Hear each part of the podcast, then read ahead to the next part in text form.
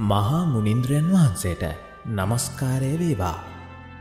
බුදුදහම යනු සසර දුක කෙලවර කිරීම සඳහා වූ ඉගැන්වීමක් වුවත් බොහෝ මිනිසුන්නය ආභරණයක් සේ සලකමින් ජීවත් වෙනවා. හරි තැන සොයනවා වෙනුවට ලොකු තැන් සොයමින් තම කීර්තිය උදෙසා වත් පිළිවෙත් කිරීම සමාජයේ ප්‍රවණතාවයක් වී ඇත. එසේම පරමාදර්ශී වූ භික්‍ෂු චරිතය අද දේශපාලනී කරණය වීමත් සමගම මේ සංසාරෝගය තමා තරණයකොට අන්න අයද ගොඩ කිරීමේ පරාර්ථකාමී උතුම් අදහස් වියලී ගොසින්ය. තන්හාාව නැමති වඩුවා විනාශකොට හදවත අවධිකර ගැනීම සැබෑම බුද්ධ පූජාව ලෙස හඳුනානොගත් ඇතැම් භික්‍ෂූහු තම ශ්‍රමණ කිස පසක තබා රැකී රක්ෂා කරමින් සිටී. සැබෑ බුදු දහමට එදිරි වූ මෙම ක්‍රියාවන් විවේචනය කරමින් දම්සක්ක පෙරලන මහා මුනිවරයාණන් වහන්සේ ඔබේ හදවතට සිදු කෙරෙන ආමන්ත්‍රණයයි මේ. අද වෙසක්පුර පසලොස්වක පොහොය. ප්‍රතිපත්ති පූජාවෙන් බුදුන් පුදන දවස.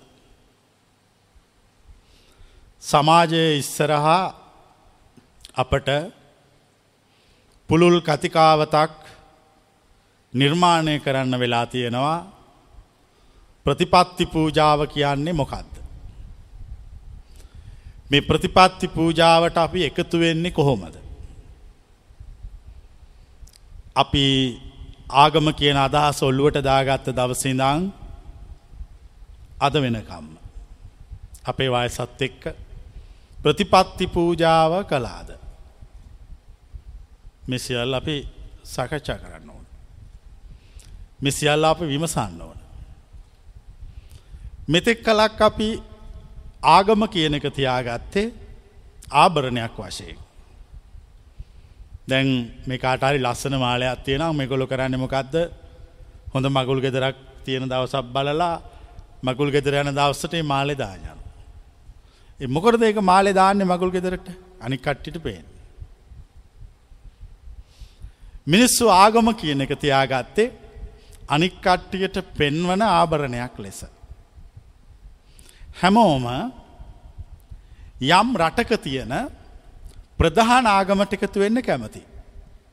මොකද එක සමාජ සම්මතය තුළ බලය පවතින නිසා. අපිතමු ලංකාව බුද්ධාගංකාරයෙක් වෙන රටකට යන. එතකොට යා කැමති ඒ තියෙන ආගමට එකතු වෙලා ඒ කියන චාරිත්‍රත් එක ජීවත්තේ.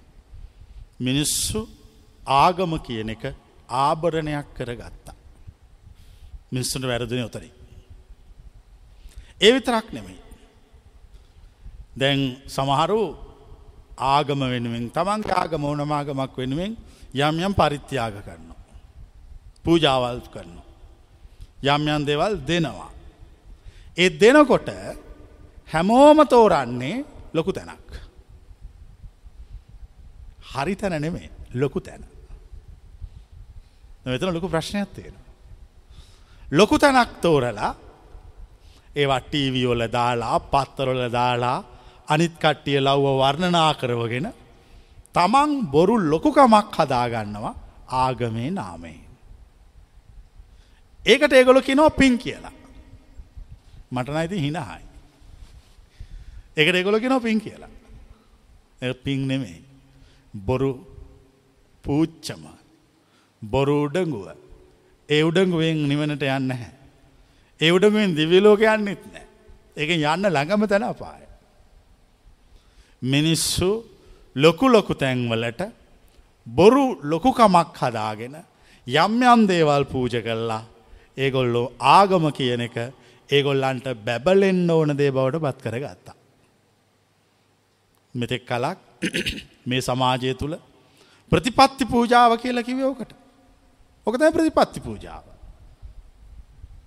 ලොකු ලොකු තැන්වල ලොකු ලොකු වැඩ.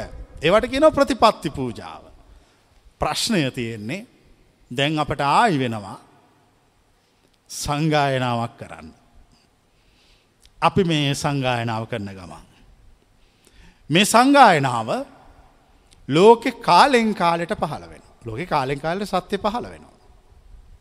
සත්‍ය පහළ වනාම රටේ රජ්ජුරුවන්ගිඳලා පුරවැස්්‍ය දක්වාම විවේචනයට ලක් වෙන. එක තමයි සත්‍ය පහළ වුණ. විවේචනය කරනවා. අපි කරන්න බොහෝ දෙවල් අපි හිතන් හිටිය හරී කියලා. ඒ අපට ඉට වඩා ප්‍රතිවිවේචනයක් නොතිබ්බ නිසා. අපිතු එක හරිවෙන්න නැති කියලා. අපිත් ඔයි ගොංකං කලා. අපිත් යමක් පූජ කරන්නකොට හෙව්වේ ධර්මාවබෝධයක් තියෙන බොහෝදේ දන්න යහපත් හදවතත් තියෙන මනුෂ්‍යයෙක් නෙමෙයි. සමාජයේ බොරුවට සිවුරුපොරවගෙන ඉන්න පස් පව් දසාකුසල් කරන ඒත් හැමෝ මිස්සරහා සිල්වත්තු ගුණවත්තු කියලා රඟපාන ආණ්ඩුවට විපක්ෂයට කඩේ යන ඒගොල්ලො ඉස්සරහ නමක් කදාගෙන බොරුවට ජීවත් වන මිනිස්සු අපි හිතුව හොඳ මිනිස්සු කියලා. අපට ජීවිතයේ බොහෝදේ වැරදිල තිබුණා. ඒ වැරදිීම අපට නිවැරදි කරන්න කෙනෙක් හිටියේ නෑ. එනිසා අපි ප්‍රතිපත්ති පූජාව දැනගෙන හිටියේ නෑ. බ්ලොකු බොරුවක ජීවත් වනා. බුද්ධාගම කියල කියන්නේ සසර දුක නිවනේ ගැන්වීමක් එච්චරයි. එච්චරයි. ගෞතම් බුදුහාමුදුරුව සාක්ෂාත් කරගත්ත දහම එකයි ගෞතම් බුදු ආන්දුරිතරක් නෙමේ. සිකී වෙස්සපු කකුසඳ කෝනාගමන කාශ්‍යප ගෞතම මෛත්‍රීය මේ සියලු බුදුවරු සාක්ෂාත් කරන්න එකම එක කතාවක් එකමික පණිවිඩයක්. ඒ පණිවිඩේ තමයි උනාසල සංසාරය කාලයක් ඇවිදිනෝ සත්‍ය සොයමින් බුද්ධත්වය සොයමින් අවබෝධය සොයමි. එතර වෙන විදිය සොයමි. බුද්ධෝවන් බොහෝද ඉස්සාමි මුත්තෝවන් මෝචයේ පරේ. තින්නෝ අංතාර ඉස්සාමී සංසාරෝගා මහබ්බය. උන්වහන්සල ඉස්සෙල්ලම කරන්නේ මේ කවුරුවත් එතර කරවන්නේ. උන්වහන්ස එතර වෙන. උන්වහන්සේ එතර වෙලා ඉවර වෙලා එතර වෙන පාරක් කියනවා. එතමයි බුද්ධහගම දර්ශනය. එතර වෙලා ඉවර වෙලා එතර වෙන පාර කියනවා. මං ඔබෙන් ප්‍රශ්නහනවදැයි. ඔබ මෙතෙක් කලක් ඔබ පූජා කරන දානය මහත් පල කර ගැනීම පිණිස කාට හරි පූජා කරන්නකොට. ඒ පූජා කරන්න මොහොතකට කලින් ඇහුවද ඔබ එතර වුණාද කියා.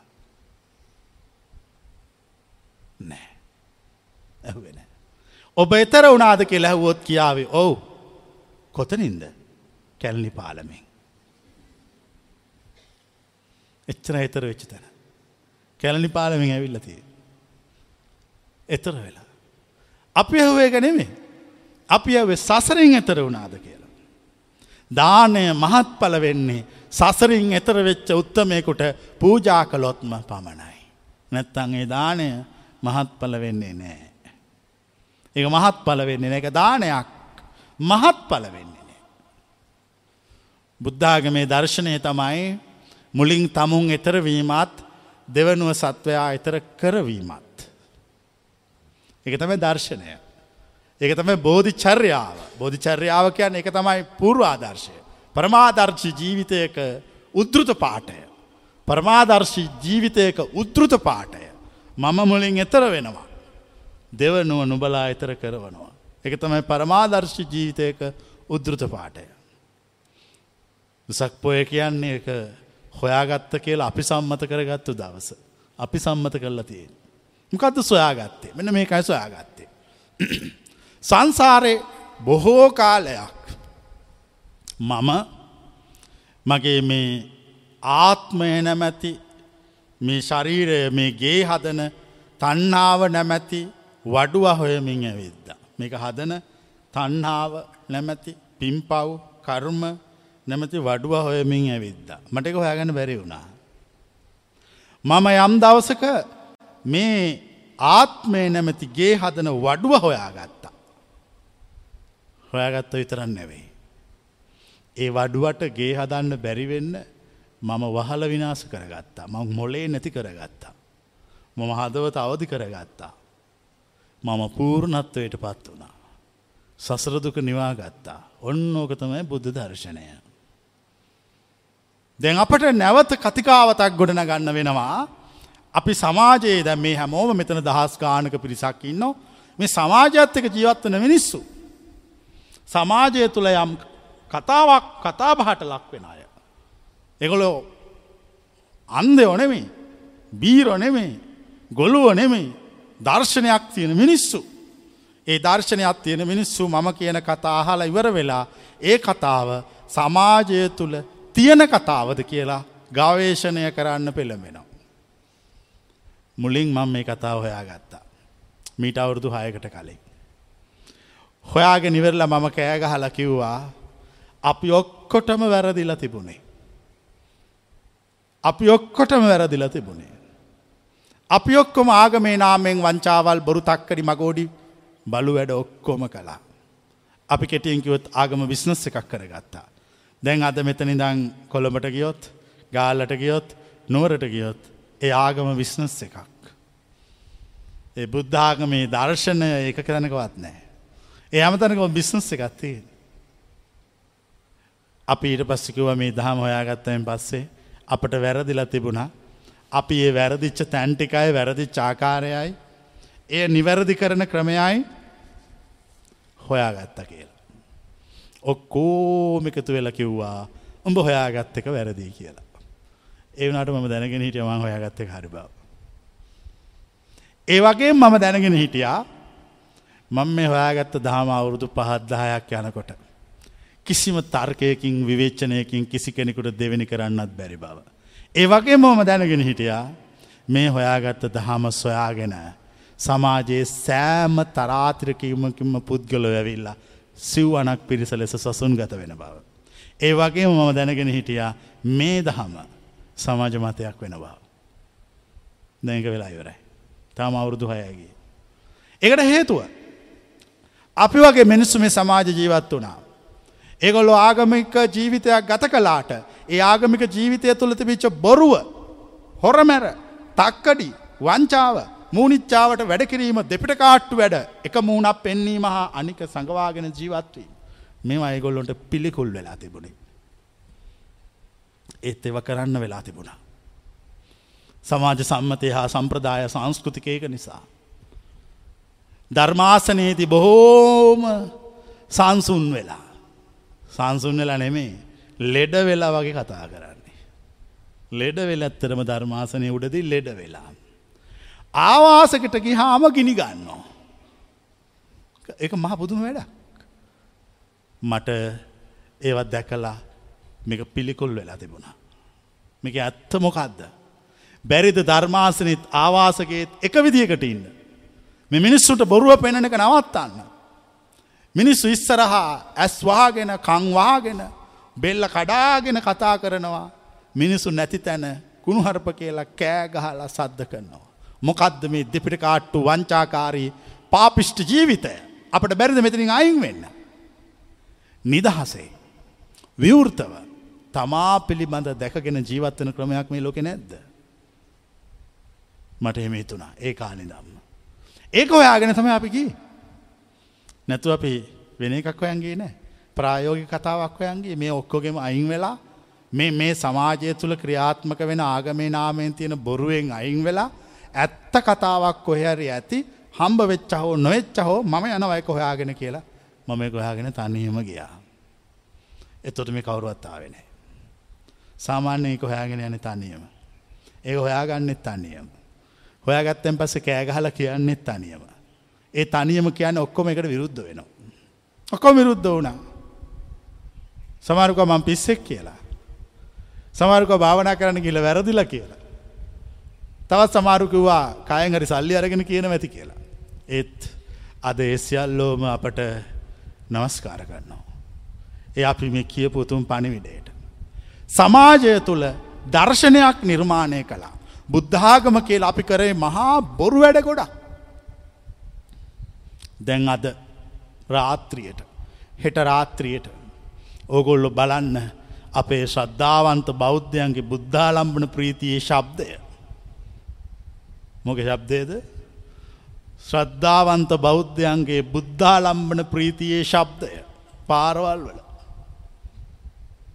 වෙන ආගමික මනුස්සේකුට නිදාගන්න නෑ රෑලි වෙනකා. ලෙඩෙකුට කනක් ඇහෙල ඉන්න නෑ. පුංචි ළමයකුට නින්ද යවාගන්න බෑ. ශ්‍රද්ධාල ශ්‍රද්ධාවන්ත බෞද්ධ බුද්ධාලම්බන ප්‍රීතියෙන් කුල්මත් වෙලා. මුළු කේතුමති රාජධානයම දෙදරුම් කවනෝ. මොනවද කරන්නේ. කසිප්පු බීල ඔළු බක්කො දාගෙන නලා පිඹගෙන නටාගෙන කරන විජ්ජුම්බරය. මට හිතනවා මේම කරන්න. අර විහාර ඉන්න වඩ ඉන්න ගෞතම බුදුහාන්දුරන්ට ගිහිල්ලා රිදෙන්න ගහලා. නැගටිනවා. බලන්න වහන්ස ඉපදිච්ච දවසේ මුන් නටන නාඩගම්. එතර බුදුහාන්දුරු ඇස්ත කරිනවා. ඇත්ත කරලා මම සැර කල්ල කියපු නිසා බල්ල කියනවා. ඇත්ත. උඹ කියන්නේ ඇත්ත. මට ලැජ්ජ හිතනවා වෙසත් දවස ඉපදුනාට. කියලා අය ඇස් දෙක පියාගෙන මෙහෙම ඉන්නවා. කොද උන්වහන්සටවත් කරන්න දෙයන්නෑ. සමාජය දූෂණය වෙලා.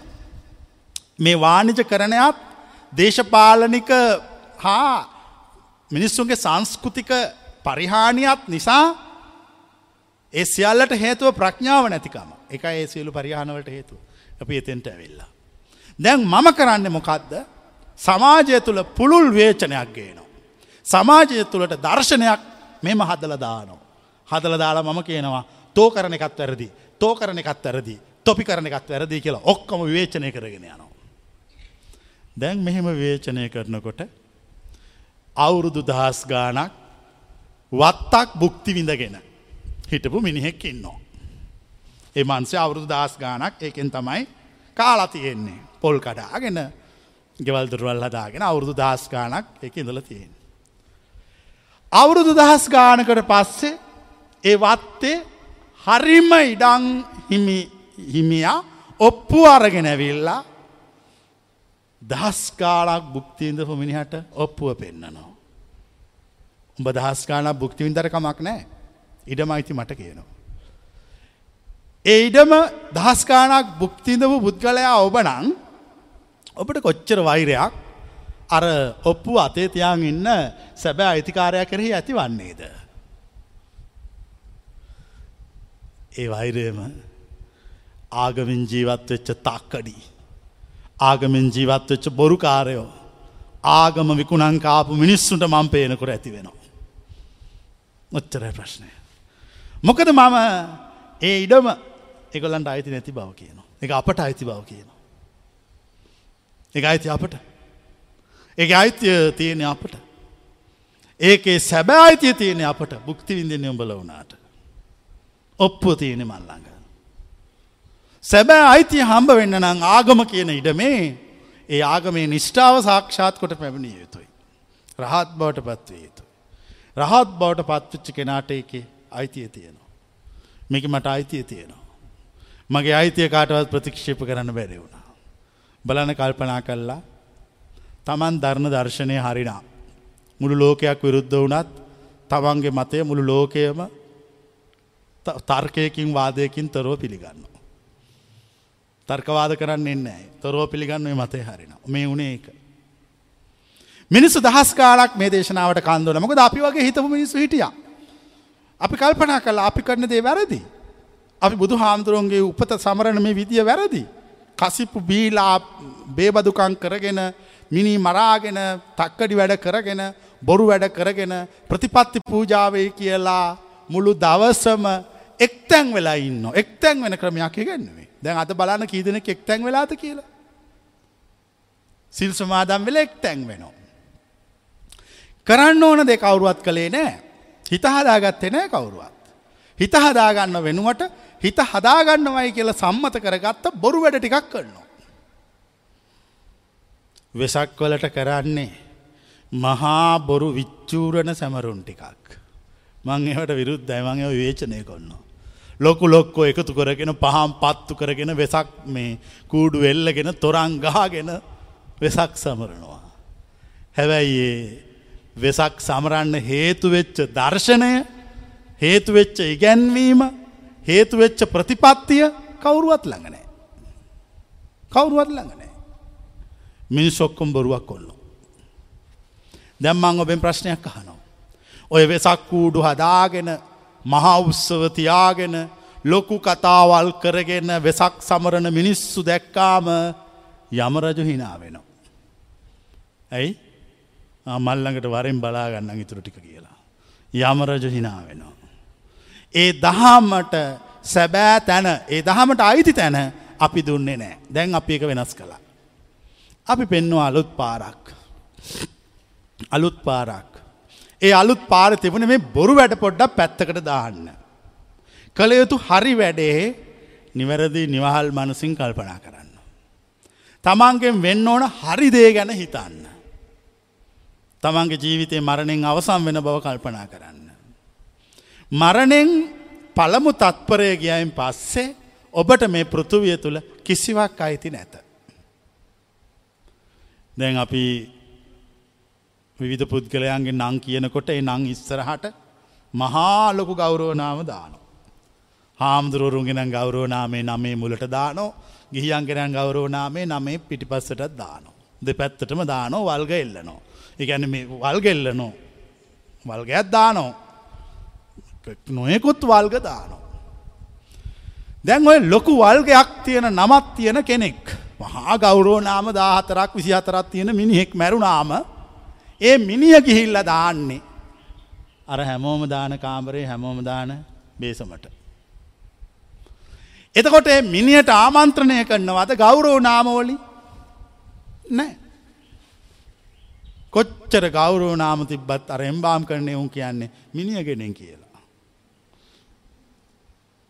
කියන්න ශාස්ත්‍රපති රාජකීය පණ්ඩිත මහෝපාධ්‍යාය මිනිියගෙනෙන් කියලා.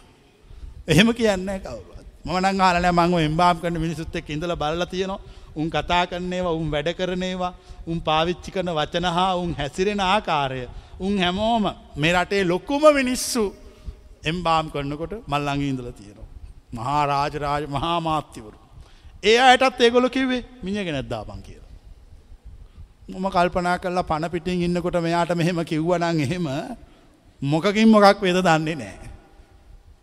ඒත් දැන් කෑලි පහයත් තියෙන්නේ දැන් ඔය කෑලි පහ එකතු කරන්න ලෑත්තිය එතකොට අර එම්බාම් කරන මිනිසු කියන්නේ මිනිියගෙනෙන් අර කෑල්ලගෙනෙන් ඔය කෑල තියල මේකට මහපා මේකට පොල්ලකින් හර නවල ගානට හදපන් කියල. මිනිස්සු ජීවිතය ගැන හිතන්න තේරෙන්නේ. ඇත්තර මිනිස්සුන ජීවිතය ඇත්ත හිතන්න දෙන්නේ නෑ. මේ ඇත්ත හිතන්න නොදැන ප්‍රධාන පාර්ශ්ව කීපයක් මේ සමාජයේ ඉන්න. පල්ලවෙනි පාර්ශවය තමයි පැවිද්ද හා පූජකය. ජීවිතය යථාර්ථය උගන්නන්න ජීවිතය අතාර්ථයගෙන මරණය එච්චර හැමෝට මුගන්නන්නේ අනාගතය හොඳට ජීවත් වෙන්න කියලා. මම උගන්නන්නේ දැන් හොඳට ඉන්න කියලා අපි දෙකක් උගන්නන්නේ. මං උගන්නන්නේ මරණින් පස්සේ සැපවිඳිර නෙමේ මං පිළිගන්න ඇම එක. මම උගන්නන්නේ මැරෙන්න්න කලින් සැපවිඳින ක්‍රමයක්. මම ජීවිතය අනාගතයට විකුරන්නේ නෑ. මම එක වර්තමානයේ බුක්තිවිඳල අවසං කරනවා. වර්තමානයේ බුක්තිවිඳල අවසං කරනවා. දැම් මේ දහස්ගානක් පිරිස මෙතන ඉන්න ලක්ෂගානක් පිරිස මේ වෙලා අපිත කහන් එන්නවා. මේ හැමෝම මගෙන් අහන්නේ ජීවිතය අනාගතයට උගස්තියක් නැතුව අද හොඳට කාලා අද හොඳට තේරණ භාෂාමකෝ ජොලිය ඉඳලා. හොඳට මැරණ විදියක් අපට කියා දෙන්න. මං කියන්නේ එක. මං මිනිස්සු මුලා කරන්න ආගම කියන වචනය පාවිච්චි කරලා. මං මිනිස්සු මුලා කරන්න හැ මිනිස්සුන්ට බොරුවක් පෙන්නලා. අපි ලස්සන්ට ජීවත්වෙන විදිය කියනවා. මැරුණයින් පස්සේ මං මිනිස්සු සුගතියට යවන්නෙත් නෑ. මං විරුද්ධ මිනිස්සුට පාන්සුකුල දෙනවට. මට ඕන මැරෙන්න කල්ලින් මගේ පාන්සකූලේ මං විසින්දීල ඉවර කරගන්න එකැන සෝවාන් වෙන්න. සෝවාන් වෙච්චාරියස්ත්‍රාවකයකුට පාන්සකූල නෝ නෑ. නෝකයන් ඉංග්‍රීසින්නේ පාලි භාෂාවෙන්. ගජිතුන් නෝ වස්සිතු පාන්සකුලෙන් නෑ. සෝවාන් වෙන්නවත් බැරිවුණොත් යමරජ්ජුරු ළඟට ගියා කියල සැකයක් තියනං පාන්සකූලයක් දුන්නට කමක් නෑ. එතකොට ඒ ප්‍රාණකාරයා අපායට ගිය කියල පූරු නිගමනය කල්ල ඉවරයි. අපි කැන්න එක වැරදි කියල. කෙනෙක් සෝවාන් වනොත් ඒ සෝවාන්ව චාර්යස්ත්‍රාවක අපායගාමි වන්නේ නෑ. අපායගාමී නොවෙච්ච ආර්යශ්‍රාවකයාට මරණෙන් පස්සේ පිම් පමුණවන්න ඕන නෑ. එයායාගේ සසර ජීවත්තලින්නකොට හදාගත්තා කොවල එකට කැමතිය. අනික ඔය අද ඉන්න ළමයි පාන්සකූල තුම්මාස දාන අවුරුදු දාන කරාවී කියල දිගට විශ්වාසත් නෑ. මොකදේ ළමයිට වැඩ අපට දාද දිදින්න වෙලාවක් නෑ. ඉතින් හොඳ නැද්ද අපි ජීවත්තරනකොට අපේ දානේ මරණය මකුලයි පාන්සකූල යොක්කොම කල්ල ඉවර වෙලා මේක මක බෑවිලා ආයි නේන්නම යන එක. මම කියනවිදි ක්‍රමයක්. ඒ කෙනෙකුට විවේචනය කරන්න පුළුවන් නමුත් ඒ විවේචනය කලාට ඒකට ප්‍රතික්‍රමයක් පෙන්න්න බෑ. ප්‍රතික්‍රමයක් ප්‍රතික්‍රමයක් පෙන්වොත් ඒ අයයි කිය අපි කියනකම කියන්න. අපි යෝගොලන්ට කියනවා මෙච්චරකල් බොරුවකට අහු වෙලා හැම ආගමකම මිනිසු කඩේ ඇව්වා. මිනිසු බොරු කළේ. දෙයාත ගීල්ල බලන්න පන්සල්ලෝ කරන්න වැඩ ටික. දැන් ඔන්න සිල්ලාරක නිවර දැන් ධාරවල්ද ලිවරයි. හවස් වෙනකම්ම කරන්න ගමේ ඕප දූප කුණු කන්දල් ටික ඔක්කෝම ධර්මශාලාව ලියනවා. ලියල එකේකා බෙදාගන්නවා සිල්ල ඇත්තො ටික බෙදාගන්නේ උතුරු දල්ලුවට. හවස මල්ල ගැටගාගෙන ගෙදර යනවා. ගීල ගෙදර ඉන්න පුතාටයි ලේරිටයි නෑනටයි බැන් නැන්දම්මටයි බෑනට ඔක්කොටම උතුරු සල්ලි වෙතිවි චෝපදූපටික බෙදනවා. ඊට පස්සේ පහුවෙන්දු දේට අල්ලපක දෙට්ට බෙදෙනවා.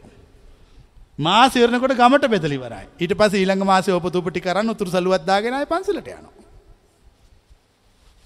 මම මේවට විරුද්ධයි. මං මේවා නිර්දය ලෙස විවේචනය කරන්න ඔබම දරුණු විදියට විවේචනය කරන්න. ඒ විවේචනය කලාම මේ ක්‍රමවලට ඇබ්බැහි වෙලා අරක්ගෙන ඇටුවම් බෑල ඉන්න බහිරවයන්ට මලපරේතයන්ට දුම්මල දැක්ක වගේ වෙනවා. මල පෙරේතයකුට ගෙවල යකෙකුට මතුරපු දුම්මල දැක්ක හම වෙවුල නොය ගෙවල යක. ඒ වගේ මම කරන්නේ මිනිස්සු මුලා කරන ආගමික නායකයන්ට වෙවුලවන්න දුම්මල මතුරනවා. මතුරල නිකංගන්න පන්දම පත්තු කළ දුම්මල ගාලා ඒ මලයක්කු එලවනෝ. මේ ශාසනයට අරක්ගෙන ඉන්න මලයක්කු එලවනෝ. මේ ශාසනයට තියෙන බහිරව දෝසට බහිරව පූජාවත් තියන බහිරව දිිෂ්ටියෙන් දිිෂ්ටි කොන්න. එතකොට බහිරව වෙවුලලා උඩුකුරුඥන් යටිකුරුඥන් ගාගෙන මල්ලඟට ඇවිල්ලා නටලා නටලා හූ කියලා එවුන්දුවනෝ මං බහිරව දිිෂ්ටිය මතුරනවා. මලයකන්ට කතා කොන්නවා. මේ බුද්ධ ශාසනය පිරිසිදු කොන්නවා. මෙකීන මලයක් ඔක්කොම එලවනෝ.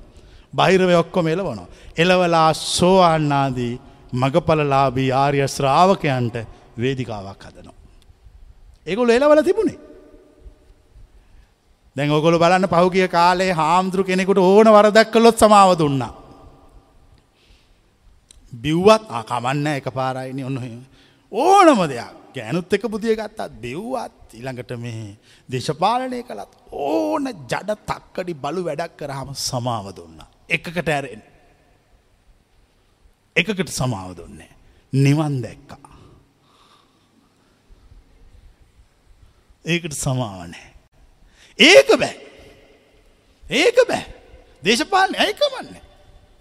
ගැනුත් එක බුද්ධිගෙන ළමයි හදන එක පොඩි දෙයක් කමන්නේ.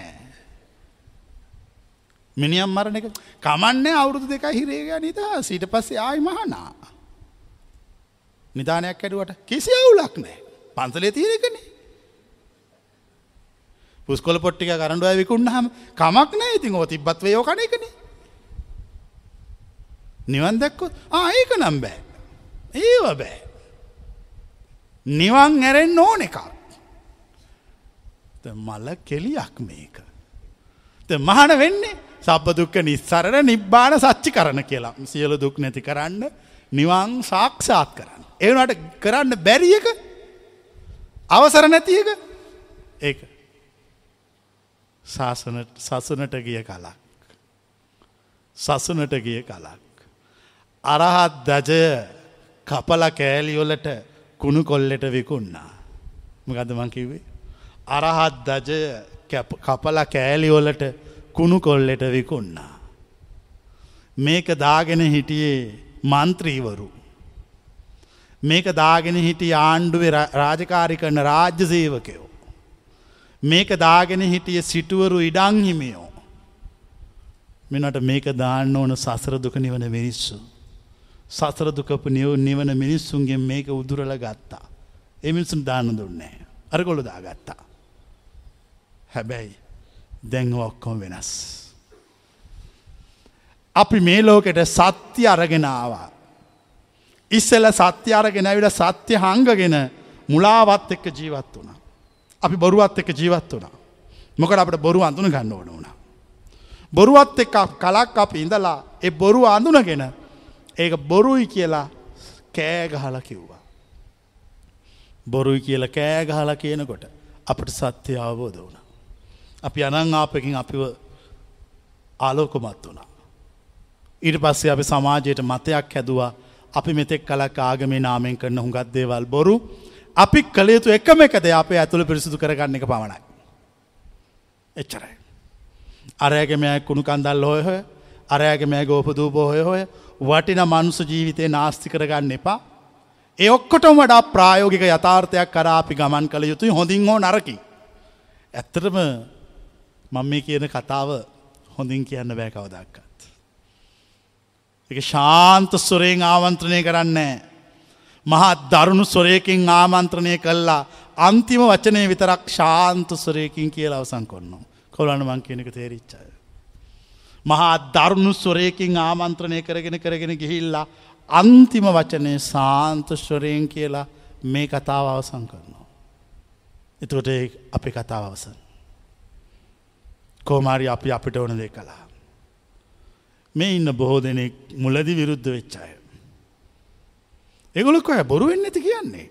එහෙම රහත්වෙන්නේ කොහොමද. එවනාට ඇත්තටම රහත් වනා.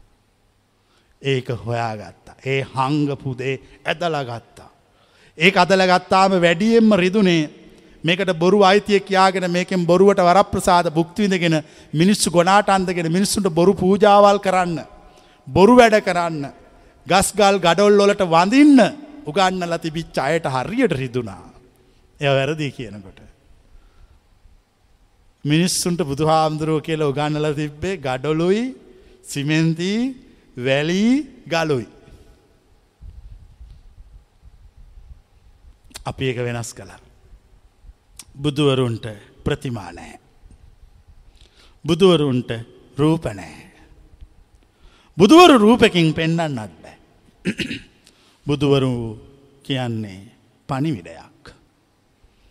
ඒ පනිවිඩය සෑම මනුෂ්‍යයක්ගම ජීවිත කාලේ සිය දහස් වතාවක් බුදු කෙනෙක් ඔබ ළඟට ඇවිල්ලා ඔබට තට්ටු කරනවා. ඔබ හිතනවා මදුරුවෙක් කෑව කියලා. තන මදුරුවෙක් කන්න ඇති. එම නැත්තං හිතනවා ඔය පිණිබිඳුවක් වැටෙන් ඇති. එම නැත්තං හිතනවා කවුරුවරි ගලක් ගන්න ඇති. එම නැත්තං හිතනවා හීනයක් පේෙන් නැති. එම නැත්තං හිතනවා ආකාකුල පැටල්ලා එච්චරයි. නෑ බුදුරු ඇවිල්ලා අපට තට්ටු කළා.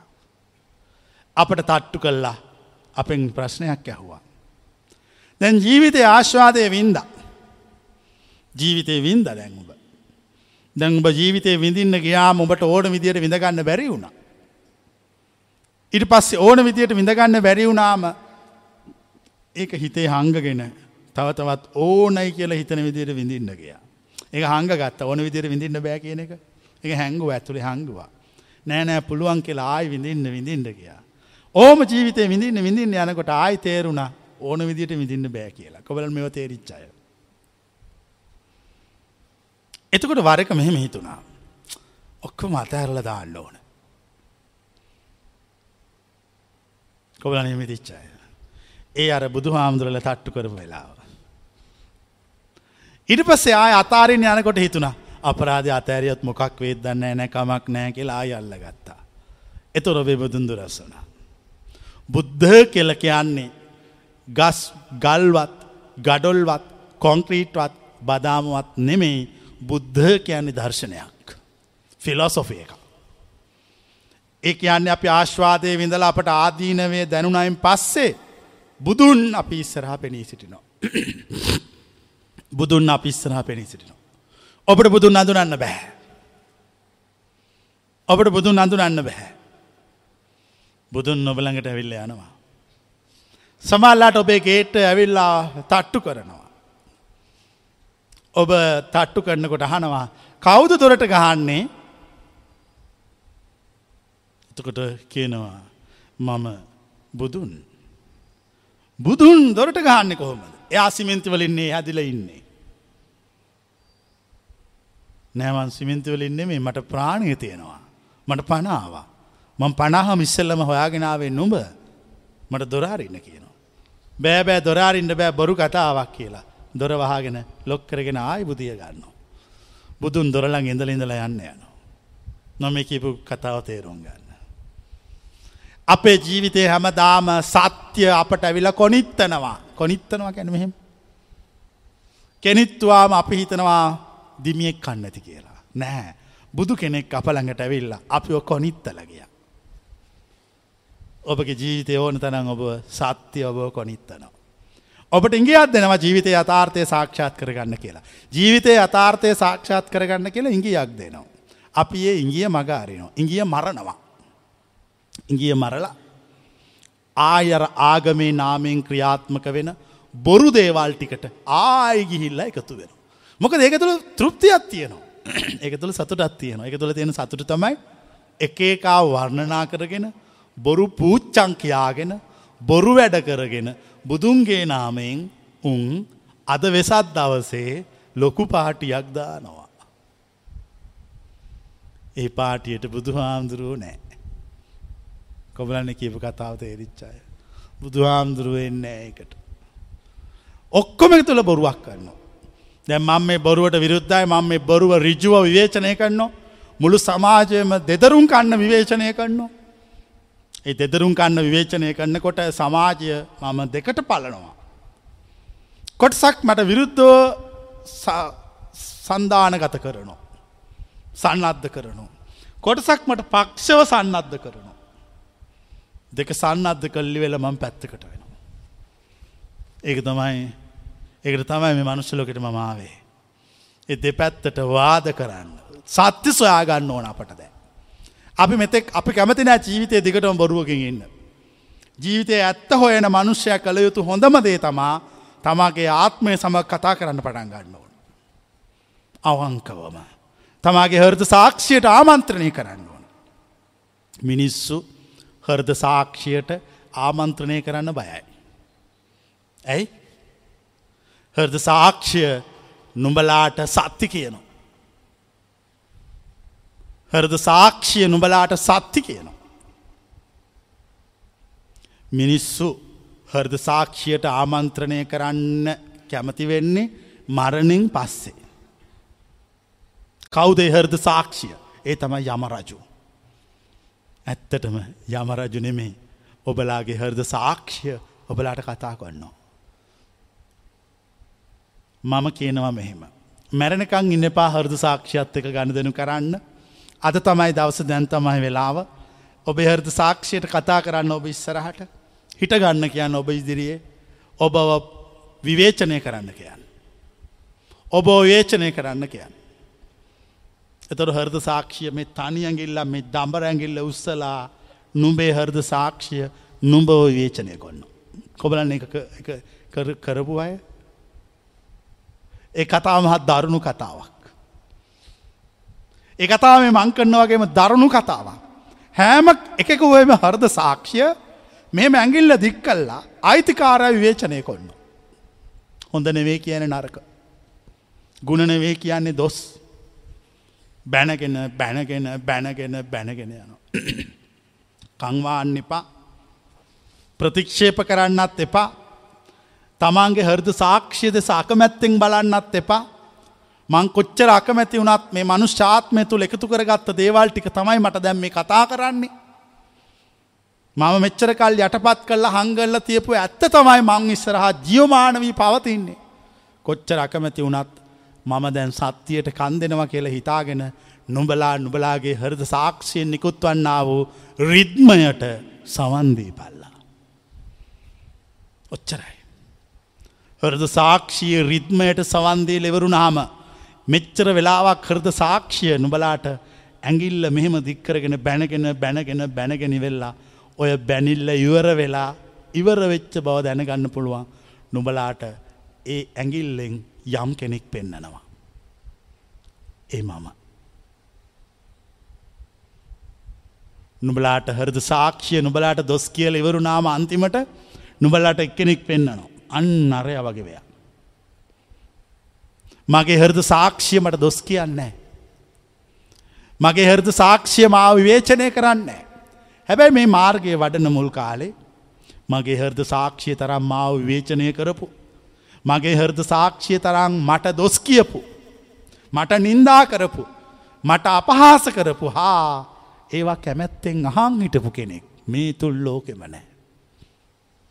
කොවලන්නේ කතාව ඒ දහම් පදේ තේරිච්චාය.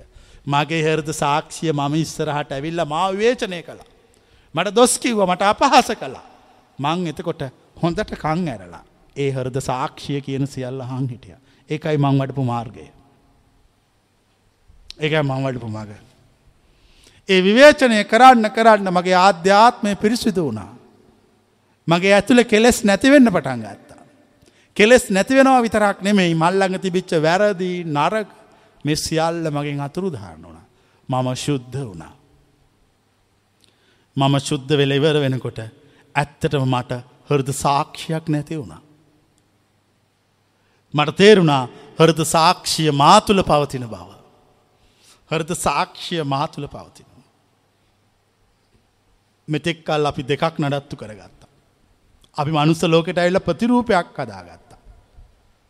අපි ආගමකර රිජිස්ටර් වුණ ජාතියකට රිජිස්ටර් වුණ ස්ත්‍රීපුරුෂ භාවයකට රිජිස්ටර් වුණ ඊට පස්සේ ලෝකෙ රවට්ටමින් ජීවත් වුණ ඔච්චරය කරන්න. ඕක තැ කවුරුත් කර මහන් වනත් ජී වුණත් ඔක්කොම කරන්නේ ඕක. අපි ඒක නැවැත්තුවා.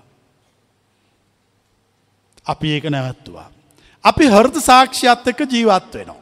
හර්ද සාක්ෂියක ජීවත් වන මනුෂ්‍යයාගේ ආධ්‍යාත්මය තුළ අස්සී මාන්තික ශක්තියක් පවතිනවා. අසීමිත ශක්තියක් පවතින. ඔවුට පුළුවන් සමාජයෝ නෑම කෙනෙක් විවේචනය කරවන්න. ඔහුට පුළුවන් නිදාගෙන සිටින බුදුරුව ඇරවන්න. ඔහුට පුළුවන් මැටි පිළිමොලට සිමෙන්ති පිළිමොලට අතින් ගහලා ප්‍රාණය ඇතුල් කරවල කතා කරවන්න. ඔහුට පුළුවන් දෙවිවරුන්ගේ දේව ශක්තිය නැවත ජියවමාන කල්ල පෙන්න්න. ඒ ඔහුගේ හරද සාක්ෂිය පිරිසුදු කරගත්තා ඔච්චරයි. බලන්න අද සිල්සුමාදම් වෙනවයි කියලා. පාලියෙන් සිල්පද කියලා සිංහලෙන් තේරුම දන්නඇතුව රකිනෝ. පුදුම සිල්රකිල්ලා. පාලියෙන් සිල්පද කියලා සිංහලෙන් තේරුම දන්නඇතුව රකිනෝ. කිකිලෙක් බිත්තර රකිනක සාධාරණය මොකද කිකිලි දන්නවා මේක මගේ බිත්තරේ මෙච්චර කාලයක් රකින්න ඕන මේකින් පැටියෙක් එෙනව දවස් මාසය යනකොට. හැබැර සිල් රැක්කහමෙන පැටිය.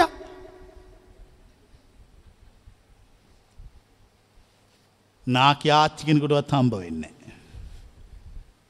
නෑ මොකක් කන්නේ. උන්ද සිල් රැකල්ලා රැකල්ලා රැකලා රැකලා නාකි වෙලා නාකි වෙලා සිල් රැක ගන්න බැරුව කෙදිරි ගාගෙන ගිහිල්ලා. ඕ මහන්සි වෙලා අය කෙදිරි ගාගෙන විඳලා ඒම හුස්ම යනවා අර රැක්කහා මෙන පැටිය නෑ. ආච්චි අර සිල් රැක්කහාම හම්බෙනවයි කියපුවා නෑ පුත්තේ කියල උන්ද මලා. දැම් මට ප්‍රශ්නයක් තියෙනවා. දැම්මං ආය ආච්චි වගේ රකිින්ඩ ඕනද. මන් රකින්නෑ. මම රකින්නේ නෑ මම ඉවර කරන්නවා කොබලන්න එක තේරිච්චාය. මම රකින්නේ නෑ මම මේ ඉවර කලා. මම කතකරණීයයි. කතකරණීයයි කියන්නේ කළයුතු සියල්ල කල්ලිවරයි. කළයුතු සියල්ල කල්ලිවරයි. රහතෙක් සිල් රකින්නේ නෑ සිල් රැකල ඉවරයි. රහතෙකුට බඹසර නෑ බඹසර අවසන්. බඹසර අවසන්. රහතෙක් නිවීලා නෑ නිවිලා ඉවරයි. නිවිලා ඉවරයි. රහතෙක් ශාන්ත නෑ ශාන්ත වෙලා ඉවරයි. රහතෙක් සමාජයට සමාජය මුලා කරවන්නේ නෑ හෘද සාක්ෂයට සවන්දීල ඉවරයි. ප්‍රශ්නය මේ ගඩොල් රහත් වෙලා කියලා හිතන් හිටපු.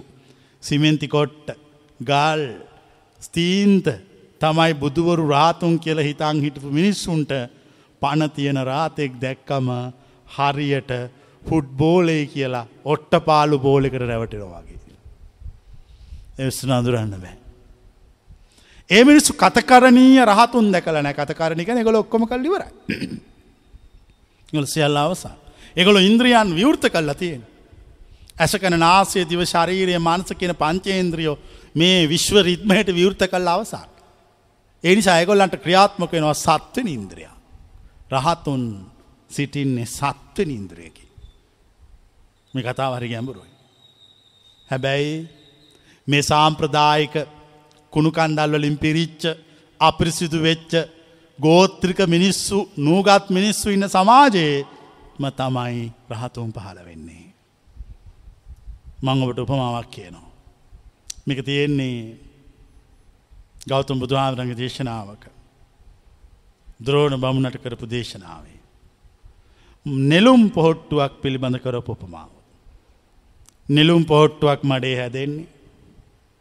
ඒ මඩෙන් තමයි සාරය ගන්නේ මඩත් එක්කම ඉන්නේ. නිලුම් පෝට්ටුවක් පුංචි කාලෙ කඩලා ඉඹල බැලුවොත් හරිම පිළි ගඳයි. කවුරත් ඉඹින්නේ. ඒ වනාට ඒක වතුරෙන් මෙම උඩට එනවා පොඩ්ඩ පොඩ්ඩ. ඒ උඩට ඇවිල්ලා අර කුණු වතුරෙන් උඩට මෙන්න උඩට එනවා. උඩට ඇවිල්ල දවස් පාහයත් තිබිලා සූරයාලෝකයේ වැටෙන දවසක එක අපිපෙනවා. හරිම සුවඳයි. හරිම සුවඳයි. හෑම මනුෂ්‍යයෙක්ම කෙලෙසුන්ගෙන් භරිත වෙච්ච කාමය වෛරය කෝපාවිෂ්ට බව. ආත්ම වංචාව ආත්ම වංචායක තම ප්‍රධානම ප්‍රශ්නය. දැ වෙසක් කියලා මුළු දවසම මේ සතියම ආත්ම වංචාවක් කරන්නේ. උන්දලාට අපාය වෙනම කාමර තියනවා ඒසි නැති. ඒසි නැති කාමර. මොක දේසි තියනෙව ඉඳලන යන්න. ඒ ආත්ම වංචාවට. ඒ අපි දැනගෙන අපියගෙන් අයින් වුණා. අපිට ඕනුනා පිපෙන්න. අපිට ඕනුනා පිපෙන්න. අපි මේ මඩ කාගෙන මඩ විදගෙන අපි උඩට ආවා. හැබැ අපේ ඇගේ මඩ ගෑවුණා. අපි අපිරිසිද වුණා. ඒ අපිරිසිදු වෙච්ච බව අපි දැනගත්තා. ඒත් අපි පසු බැස්සේ නෑ. අපිරිසිදු වනා කියලා දැනගත්තට පසු බැස්සේ නෑ. අපි උඩට මාවා. ඔ අපට විශ්වාස වනා පිපෙර බව. අපි ඇවිල්ල පිපුණා. දැන් අපි පිපිලා ඉවරයි. අපි නැවත පොහොට්ටුවක් වෙන්න මෙහෙම ඉවර වෙනවා. පොහොට්ටුවක් නොවෙයි. මං ඕගොල්ලන්ටත් කියන්නේ මඩකාගෙන එන්න පිළිගඳ ගහවි ගණන් ගන්න එපා. ඒ පෝට්ටු අපිරිසිදුයි කියල පශ්චත්තාප වෙන්නත් එපා. ඔහොම උඩට එන්න සූරයා ඉන්නවා උඩ. සූරයා ඉන්නවා උඩ. ලෝකෙත් තුනක් තියෙනවා කිසි දවසක විනාශ කරන්න බැරි. අවිනීශීය ධර්ම. පලවෙනි එක තමයි සූර්යාලෝකය. සූර්යාලෝකය කවදාකත් නැති වෙන්නේ. දෙවැනි එක තමයි චන්ද්‍රාලෝකය. සඳේලිය කිසි දස්සක නැති වෙන්නේ. තුන්වෙනි එක තමයි සත්‍යයේ නාදය. සත්‍ය උඩ ඉඳගෙන නාද කරනවා ඔබ ජලය තුළින් එනකා. කොබලන්නයි දහම තේරෙන අය. සත්‍යය උඩ ඉඳගෙන නාද කරනවා ඔබ ජලය තුළින් එනකං උඩට වෙල බලහන් එන්න. ඔබේ ආත්මය පුබුදුවන්න සත්‍ය බලන් ඉන්න. ඔබට කළයුතු එකමද හෘද සාක්ෂයට එකඟව ජීවත්වීමත් සමාජය යන මේ කරන දේවල් වල වැරද්ද විවේචනය කිරීමත්. ලෝකයේ සත්‍යය අටපත් වෙන්නේ හැමදාම සත්‍ය වෙනුවෙන් කතා කරන්න කෙනෙක් නැති නිසා. ඒකට හේතුව තමයි මිනිස්සු සත්‍ය ඇහුවහම ජීවිතයේ පරමයථාර්ථය තේරුම් ගත්තහම හැමෝම නිහඬ වෙනවා. මම ඇරෙන්න. මන් නිහඬ වෙන්නේ. මය දන්න කතාවත් තියෙනවා.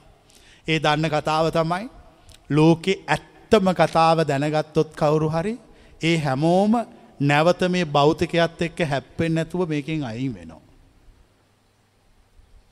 මං ඒ කතාවට වඩා චුට්ටක් වැඩියෙන් දන්නවා. ඒ චුට්ටක් වැඩියෙන් දන්න එක තමයි මට දීපු විශේෂ ප්‍රාතිහාරය බලය. එක මට විශේෂ හැකියාව. මම පසුබසින්න ජීවිතය කවදක්කත් පලා යන්නෙත් නෑ පස්සට යන්න ඉස්සරහට විතරයි යන්න. මට රිවර්ස් ජියර් එකක් නෑ. රිවස් පස්සට යන තේරෙන්නේ.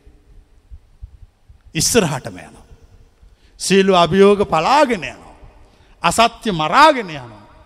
සත්‍යයට ජීවය දෙමේ යන. එවුණට ඔගොලු මං කියන වචනහල සදාකාලික නිහඬ වෙනවා. එතකොට මට මෙහෙම හිතෙන්නෙත් නෑ. මම සදාකාලික ගැලවීමේ පණිවිඩය මෙවුන්ට දේශනා කළා. මුං ඒක හල සදාකාලික නිහඬ වුනා කියලා මම මන්දෝත්සාහි වෙන්නේ. කවලන්න එක තේරිච්චාය. ඒගොල්ලෝ මගේ සටනට උදව් කළේ නෑ. ඒගොල්ලෝ මගේ ජයග්‍රහණයෙන් කොටසක් ලියාගත්ත විතරයි කළේ එනම් මම මේ ප්‍රාන්තය භාරගෙන ඉන්නම් උඹ සටන් කරගෙන දිගටම ගිහිල්ලා ඔය හමුදාවල් පරාජයට පත් කල්ලා සතුරු හමුදාවල් එලවලා තවත් ඔය එනේ හම්බෙන හම්බෙන හෙකුටෝ ඉඩල් ලියල දීලා උන්ට බලාගන්න කියලා උඹ සටන කරපා. ලෝකේ සත්‍යය නැතිවෙන්නේ. සත්‍යය අවබෝධ කළ මුනිවරු නිහඬ වෙන නිසා. සත්‍යය අවබෝධ කළ මුනිවරු නිහඬ වනාම සිංහයෝ ගුහාවලට වැදිලා සද්ධ නැතු ඉන්නකොට රිලාව් කොහොමත් ගස්තුඩිදගෙන කෑගහනෝ. රිලාව් ගස්තුඩිදගෙන කෑගහනකොට නරි යට ඉඳගෙන වූ කියනවා. ඔබලන් තේරිච්ච. සිංහ එතකොට කොහොමත්ම එලියට එන්නේ නෑ. හැබැයි මහා වනන්තරයට ආධිපත්‍ය දරන ඒක චාරීව හැසිරෙන කේසර සිංහරාජයට හිවල්නාදය ඇහෙන්නම බෑ. වඳුරන්ගේ තප්පු ලෑමට කැමතිම නෑ. එතකොට අර ගුහාවට වැදිලා ඉන්න කේසර සිංහ රාජයා එක පාරටම කිලිපොලා නැකිටිනෝ කැන ඇඟ ගස්සවල නැගිටිනෝ. ඇඟ ගස්වල නැකිටලා ගුහාාවෙන් එලියට ඇවිල්ලා මෙහෙම කෙසරු සලනෝ. කෙසරු සලලා හයියෙන් කට ඇරලා සිංහනාදය කරනවා. තුම්පාරක්. ඇත්තුන්ගේ කුම්බස්තල බිඳිල යනවා. රිලාව් අතු කඩාගෙන වැටෙනවා. නරින්ට සිහි නැති වෙනවා. මගේ නාදයත් ඒ කේසර සිංහනාදයාගේ සිංහයාගේ නාදයට සමානයි. මම ගුහාාවෙන් එලියට ඇවිල්ලා. මේ සිංහාසනයට වාඩි වෙලා සිංහනාද කරනකොට. මේ නාදයට විරුද්ධව නාදයක් ගේන්ඩ සමත්වෙච්ච. එකද සත්වයෙක් මේ කිසිම තැනක මට පේන්නේ. දැම්මං ආයි සිංහනාදක ලිවර වෙලා ගුහාවට යනවා. එතකොට අර අතුවලින් වැටිච්ච රිලව්වා අතුවලට රගෙනවා. සීසුන් වෙච්ච නරින්ට සිහියනවා. එතකොට උන් ආයි මාසයක් විතර කෑගහනවා. ඉට පස්සම ආයිත් පුර පස්සලොස්සක හඳ බලල එලියට බහිනවා. එක එක බුදුවරු එක එක වීදියයි. ගෞතම බුදුහාමුදුරුවෝ සති දෙහකට සැරයක් සඟමැද ප්‍රාතිමෝක්ෂය විචාරණෝ. සංඝයා රැස් කල්ල ප්‍රාතිමෝක්ෂය විචාරණෝ සති දෙහකට සැරයා. සිකී බුදුන් කෝනාගමන බුදුන් වෙස්සබ බුදුන් සතිදයකට සැරයන්නෙමේ මාසහයකට සැරයක්. එක එක බුදුවරු එක එක කාලවලදී සඟමැද ඇවිල්ලින් ප්‍රාතිමෝක්ෂය විචාරණු. මොකක්ද කිවේ ප්‍රාතිමෝක්ෂය විචාරණවය කිව්වා. ප්‍රාතිමෝක්ෂය විචාරණවා කියල කියන්නේ ඒ බුදුවරු අවබෝධ කරගත්ත ප්‍රත්‍යක්ෂයේ මාර්ගය ශ්‍රාවක සඟ මැද දේශනා කරනවා. ඒ දේශනා කරනකොට එක මහ ප්‍රාතිහාරයක් මේ විශ්වයට. අකනිටා බඹලොව ඉනං යට අවීචිය දක්වා සියලුම සතුන්ගේ කං ඇරෙනවා. කද්දමං කිව්වේ. අකනිටා බඹලොව පටන් යට අවීචිය දක්වා සියලුම සතුන්ට කං ඇරෙනවා. ඒ ප්‍රාතිමෝක්ෂය වචන මේ විශ්වය පුරාම දෝංකාර දෙනවා. ඒ අහන්න පින් ඇති සියලු සත්වයෝ මෙතන විතරන්නෙමේ විශ්වය කහනෝ. අපි යාලතිනවර ගෞතම් බුදු ආමුදුරුව බුදු වෙනකොට බුදුගුණ ලංකාරය තියෙන කවයක්. ගෝතම නං එබුදුන් බුදු වෙන සඳ පේතලොවේ සා ගිනිදුක් මුල්සිඳ බීත කරන ලෝදිය උන් මුවවැද සීත අමාමියූ රසවිය එම සඳ. ඒ ගෞත්ම බුදුන් බුදු වෙනකොට ප්‍රේතලෝක ඉන්න මල ප්‍රේතයන්ගේ කටඇරලා වක් කරන ලෝදිය වක් කරනවා. ඒ ලෝදිය ඒ බුදුන් බුදු වෙන වෙලාවේ සීත අමා මියවුරු රස පානයක් වුණා. හරිට අයිස්ක්‍රීම් එකක් වගේ වුණා. කොබලන දැන්නම් හොඳර තේරෙනවා. එච්චරයි. ඒ සත්‍ය එබුදුරු දෙසනවා. මහා ප්‍රාතිහාරයකින් මනුස්සලෝකට ඇවිල්ලා. ඒ දෙසනකොට ශ්‍රාවක සඟගන ඒ දෙසු මහන් ඉදල ඒ මාර්ගය පත්‍යක්ෂ කොන එච්චරයි. එච්චරයි. හැබැයි ඒ බුදුවරු බොරුවට විරුද්ධයි. ඒ බුදුවරු සමාජය විවේචනය කොන්නෝ. සමාජයේ සෑම තරාතිරමක්ම විවේචනය කොන්නෝ. සෑම තරාතිරමක්ම විවේචනය කොන්නෝ. ඒ බුදුවරු සටන් කොන්නෝ. හැබැයි කඩුවක් නැතුව. ඒ බුදුවරුන්ට කඩුවක් නෑ. ඒ බුදුවරුන්ට චක්‍රායුධයක් නෑ. දැන් අපි දැකල තියෙනවා. විසු දෙවියන්ගේ අතේ චක්‍රායුදය තියෙනවා. චක්‍රායුදය කරකැව් හම සියලු සතුරු හමදාවල් විනාස කොන්නවා. බුදුරු අත ධර්ම චක්‍රය තියෙන. ඒකෙන් සත්වය කෙලෙස් විනාස වෙනවා. කෙලෙස් නැති කොල්නවා. බුදුවරු කරන්නේ දර්ශනි කරගලයා. මිනිසුන්ගේ ඇතුළට අනිනෝ. මිනිසුගේ ජීවි මිනිස්ස කොනිත්තනව ඇවිල්ල ඇතරබං ඔගොල කොනිත්තනවා. එතර ඔගොලු කල්පනා කරන උන්නාස කියනෙව හරි. අපි පිළිගත්ත නැති වුණට අපට වැරදිලා තියෙන. අප පිළිගන්න කැමති නෑ. මොකද අපි අපට වැරදිලායි කියලා පිළිගත්තොත් අපේ ජීවිතය පිළිබඳ මුලින් අපට පශ්චත්තාපයක් ඇතිවෙන. අපට වැරදුනා. ඒ වනාට පශ්චත්තාපය ඇති කරගන්න. ඊට පස්සේ ඒක අවබෝධය ආලෝකයේ බවට පත් කරන්න. එකට ඔබටම මාර්ගය දේශනා කරනවා. ඒ මාර්ගය හරි පැහැදිලි කිසිම රහසක් නෑ. හරිම විවෘතයි. හැබැයි ඒක බොරුව නෑ. බොරුවට කැමතිනම් මූනිච්චාවට කැමතිනම් ලොකුකංවලට කැමතිනම් මෙහෙන්න එපා. මෙහෙන්ඩ එපා. මට ලක්ෂ දහයත් දුන්නත් මට ලක්ෂ සීයත් දුන්නත් නම කියන්නෙත් නෑ වර්ණනා කරන්නෙත් නෑ. බලට වර්ණනා ඕනනං ගිහිල්ල දීපල්ලා ඒ වගේ හාමුදුරු කෙනෙකුට මං ඒව කරන්නේ.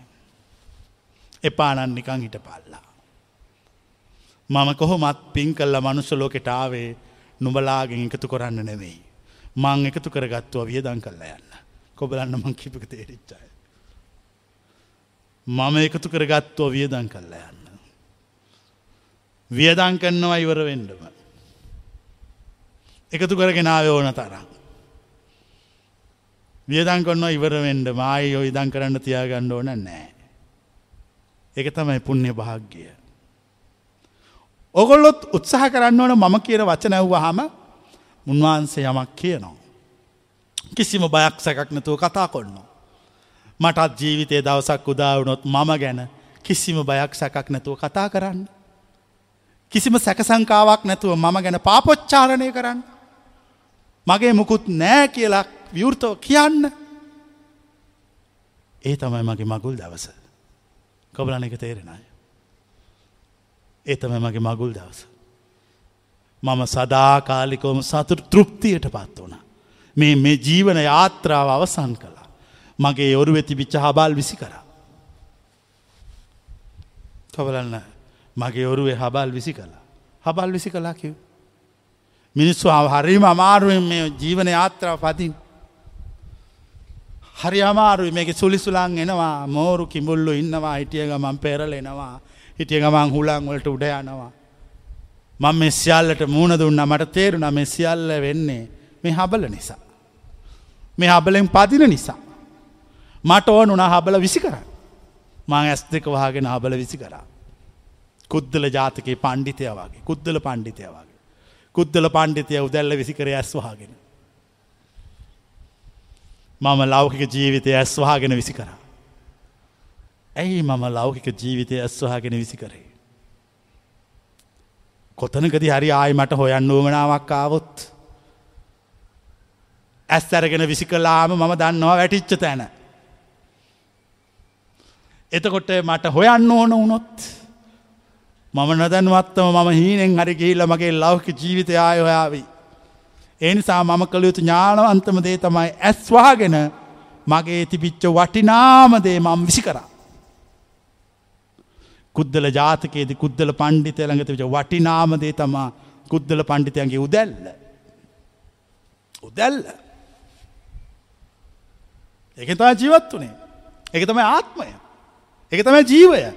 එතන තමයි ප්‍රාණය තිබුණේ. උදැල්ලේ.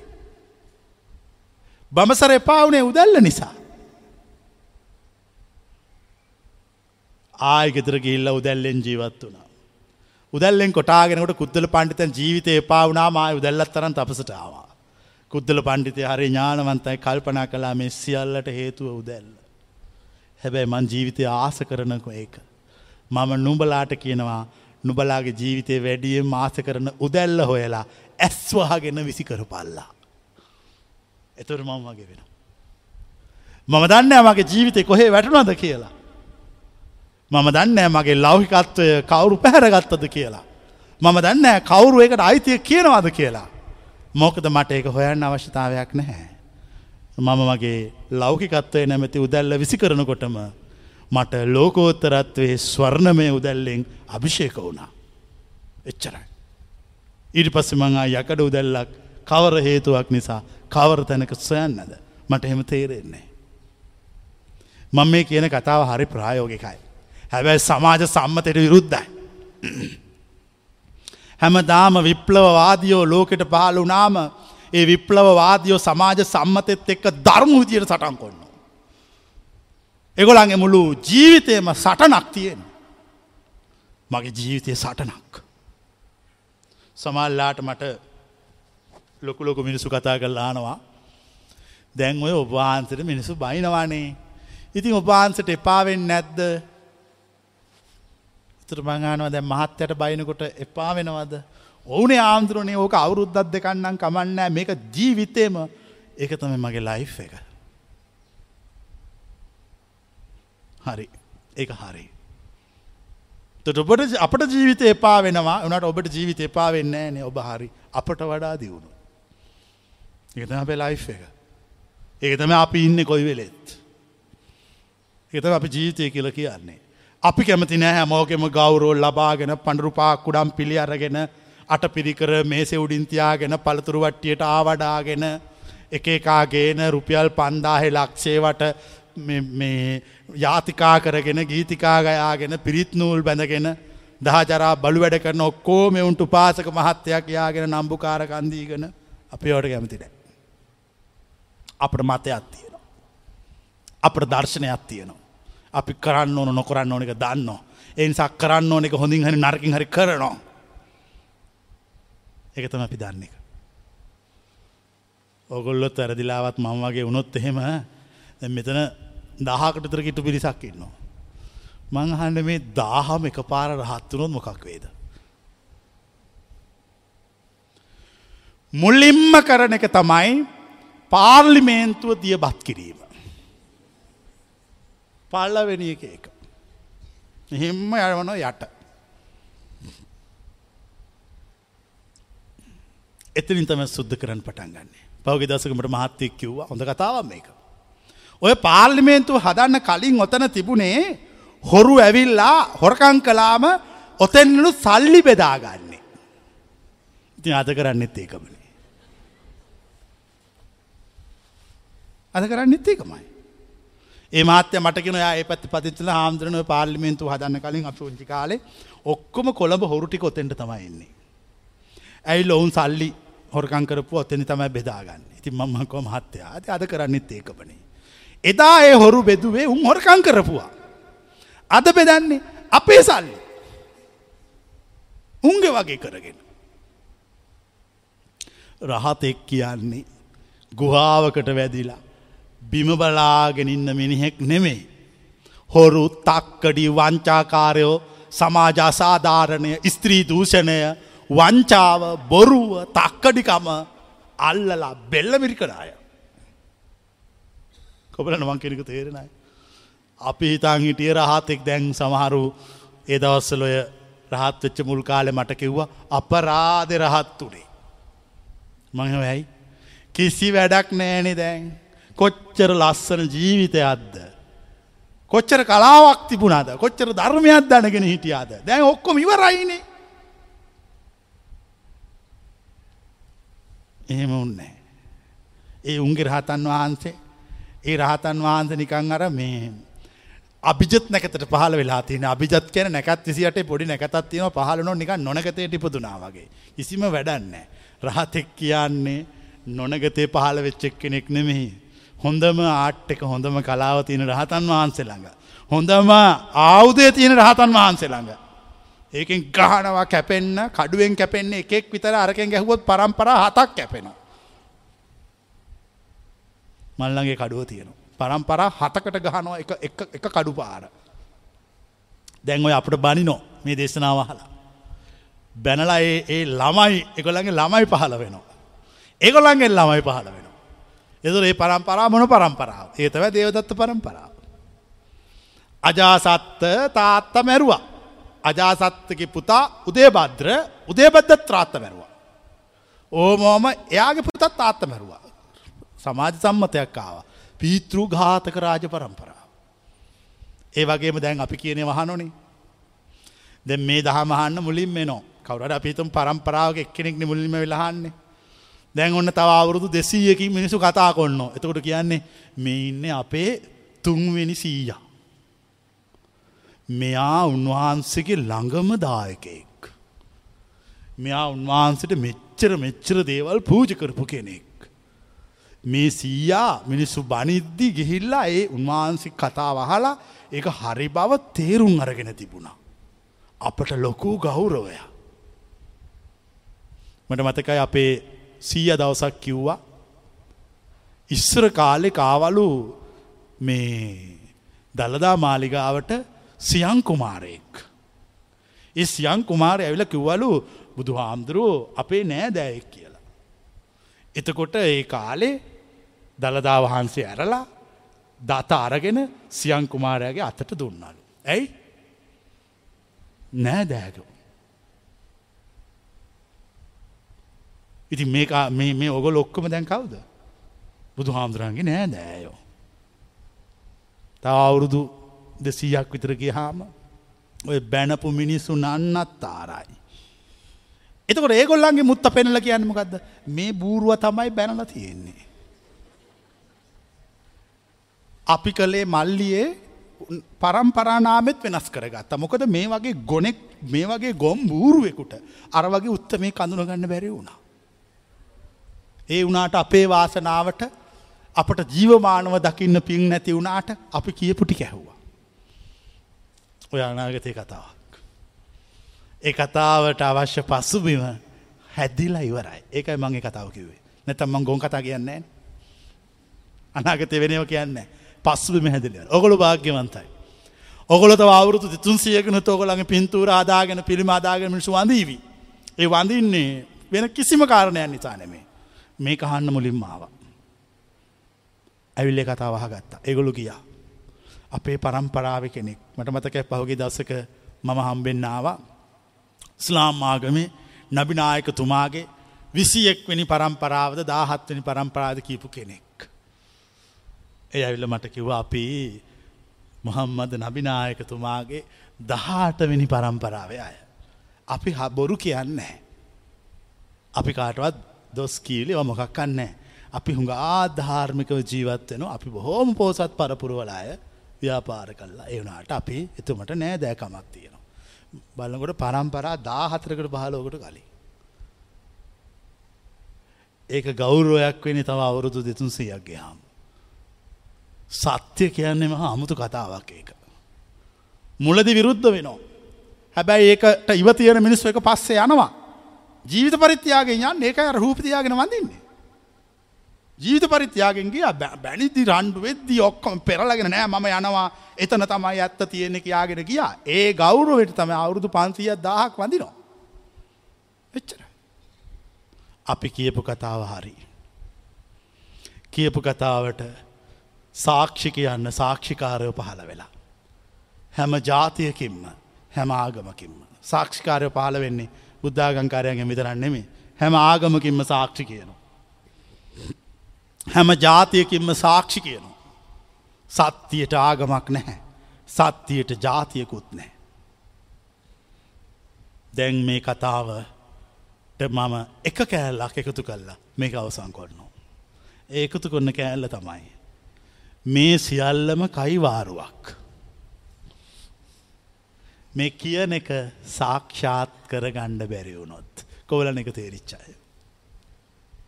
මේ ඔක්කොම කතාව කයිවාරුවක් මහ කයිවාරුවක් වාචාල කතාවක් කිසිම වැදගම්මකට නැති එකක්.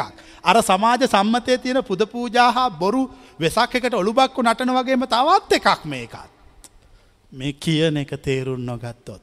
ප්‍රත්‍යක්ෂ නොකොළොත්. ප්‍රත්‍යක්ෂ කොළොත් ඔබ ජීවිතය අහන අන්තිම කතාව. මින් පස්සේ ආය ඔබට කතාවක් අහන්න අවශ්‍ය වෙන්නේ. සියල්ල අහල අවසන්. සියල්ල ඉවරයි. ඔබට තියෙන්නේ මරණ එනකම් බලන් ඉන්න විතරයි. හැබැයි මරණ එනකන් නිකං ඉන්න සටනක ජීවත් වෙන්නේ. ඒ තමයි විමුක්ති අරගලය. විමුක්ති අරගලය. ඒ විමුක්ති අරගලය නිරායුද අවිහිංසාවාදී අරගලයක්. ඒ විමුක්ති අරගලේ භයානක ආවුදයක් කියලා අතට ගන්නේ සැරයටයක් පවනයි. ඒ මුනිවරුන්ගේ අතේ තියෙන්නේ භයානකාවදයක් කියල එකම එකක් අතට ගන්නවා සැරයටයක්. රන් සැරයටයක් අතට ගන්නවා. එච්චරයි. ඒ තමයි විමුක්ති අරගලයට නායකත්වය දීපු මහා නායකයාගේ අතේ තියෙන්නේ සරයටයක්. ඒකින් තමයි ගවපාලනය කරන්න. බැටලුව මෙල්ල කරන්න. ස්වර්ග රාජ්‍යයට නිර්වාණයට සියල්ලම දක්කගෙන යන්න. දැන් ඔබට එක දෙයක් කරන්න තියෙනවා. බොහොම නිදහසේ මං කියන දෙවල් අහගන්න. මම කිව්වත් පිළිගන්න බව විවේචනය කරන්න. සමාජයේ බොරුව දැක්කහම කටවහගෙන ඉන්න එපා. ජීවිතය නැතිවල ගත් කෙලින් කතා කරන්න. කෙලින් කතා කරන මිනිහට හැම්ම තැනම ඉඩ තියෙනවා. බොරුවෙන් ජීවත්වන මිනිහට ඉඩ තියෙන දෙතුම් පලක විතරයි. අපි කෙලින් කතා කොන්නවා. අපි විවේචනය කොන්න අපි බයනෑ කාටවත්. ඒ නිර්භය ස්වරය ඒ නිර්භය හඬ ඔගොල්ලො තුළිනුත් එන්න ඕන එතට ඔගොල්ලොත් මං කෙනෙක ප්‍රත්්‍යක්ෂ කල්ලා. ලස්සන ජීවිත හැරි ඉවරයි ජීවිතේ. හරිම සන්තොස්සයි. දැන් ඇත්තරම මොනවගේ සතුටත් දැනේද ආය උපදින් නෑ කෙල්ල දැනුන හම්. එකම ආමුතුම එක. ආය උපදින්නේ. ආය මැරෙන්න්නෙත් නෑ. ඉවර. අන්න ඒකට පත්වෙන්න. ඒක ඔය සිල් සමාදම් වෙලා බොරු සිල් රැකලා අට සුදුරෙදි පෙරවාන් හිටියයි කියලා ගස්මුල්ලල හිටියයි කියලා ඊළඟට ඔය වන්දනා ගමන් ගියයි කියලා බමූලික බොරු කතානේ. ඔය ධාතු වැන්දයි කියලා. දැන් මේ දවස්වල හොඳ ධාතු බිස්නස් හොඳ බිස්නස් ධාතු සුපර්මාකට් තියෙනවා. එකම වහලක් යටින් සියලුම ධාතුන් වහන්සේලා වැඳ ගන්න. ඇයි බලන්න ගිහිල්ලා? බොරු කතානේ මුළු ජාතියක් අන්ද කල්ල ගොනාට අන්දල මිනිස්සුන්ගේ මිනිස්සුන්ගේ ළඟ පර්ස් එක ධර්මිෂ්ට විදියට සූරාකනු. ඒ යා දන්නෙත් නෑ සූරාකන්න යොදන ටෙක්නික් එක. දීලවෙල්ල වෙල තම කල්පනා කරන අර මොකටද බං අපි අරකට සල්ලි දුන්නේ. අයිතිකාරය දන්නෙත් නෑ. මහනි කොච්චර මාකටින් ක්‍රමයක්ද කියලා. අපි අට විරුද්ධයි. මේ ජාතියට ඥානවන්ත කොන්නවා. මේ ජාතිය ප්‍රඥාවන්ත කොන්නවා. ධනවත් කරනවා. කොන්ද කෙලින්තයාගෙන ජීවත්වන හැටියව ගන්නනවා. එච්චරයි අපේ දහම එක හරි ප්‍රයිස්සලම අප ජීවත්වෙන්න නොදර මේකේ. හොඳට කාටවත් දෙකරන වෙන්න ඇතුව කෙලින් කතා කරගෙන කෙලින් වැඩ කරගෙන අරයට මෙයට යටත් වෙන්න ඇතුව ස්වාධීනව ස්වෛරීව ජීවත්වෙන් ඕන පලවෙනි එක ඒක දෙක තම නිවන් දැකීම. නිවන එක කරගන්න එපා එක ජීවත් වෙලා හොඳට ඉඳලා හොඳට කාලා හොඳට හැමෝටම උදව් කල්ලා හැමෝම වෙනුවෙන් අවශ්‍ය යුතුකං කල්ලා ඊට පස්සේ අපි ඒ සියල්ල අවසානය අප මේකෙන් යනවා ආයෙන්නේ. ඔන්න ඔච්චර ඕකටන අපි යොමු වෙන්න ඕන ඇති ඕක හරි ලේසි කරවය නොකද බුද්ධාගම කියන ඕක. ගෞතම් බුදුආන්දුරන්ට භාරතය මිනිසු හරියට බැන්නනේ ඒ බනිනකොට බැනපු එක බැනිල්ලක් කෙලිවර කොන්න. බැන්නේ සාක්‍යවන්ස රජ කුමාරිකාවන්ටයි කුමාරවරුන්ටයි ඉන්නකං හොඳර රජසප විඳලා. මරණෙන් පස්සේ නිවන් දකින ක්‍රමයක් හදල දුන්න සිද්ධාර්ථ ගෞතම. මං කළෙත් ඒකමයි. මං කළෙත් ඒකම. ඒගොල්ලොට ජීවත්වන ගන් හොඳට ජීවත් ජීවත්වෙන්ට උගන්නලා පත් මැරණකොට හෝම එක පාර මැරෙන්න්න පා උපදිනවා මේ කහලා මැරෙන්න්න. එතොට උපදින්න එච්චරයි කළේ. ඒක තමයි මේ ආයුනේ එනිස හැමෝගෙම ජීවිතාලෝකමත් කරන්න ඕන දැන් ඉඳලා මේ බොරු වැඩ නවත්තල ඇද ඔගොල අද මේ මංකීපට ගිහිල බලන්න එලිය කත් උන්නාන්ස කියන එක ඇත්තටම ඇත්ත? මේ අපි දැකල කියන්න පත්්‍යක්ෂ කරල. හැබ අපඒකට එකතු වෙන්න එක අස්සේ යනෝ ඒ අස්සේ යන ඒක බලා යන එකට එකතු වෙන්න මොකද අපට එකට එකතු වෙන්න බෑ. අපකින් අයින් වුණා. සමාජ සම්මතෙන් අයිංගල ප්‍රඥාව පහල කරගත්තා. ඒකයි බුද්ධාගමේ ගැඹුරු සත්‍යය ඒ අවබෝධ කරන්න හැමෝටම ශක්තිය ලැබේවා කියලා.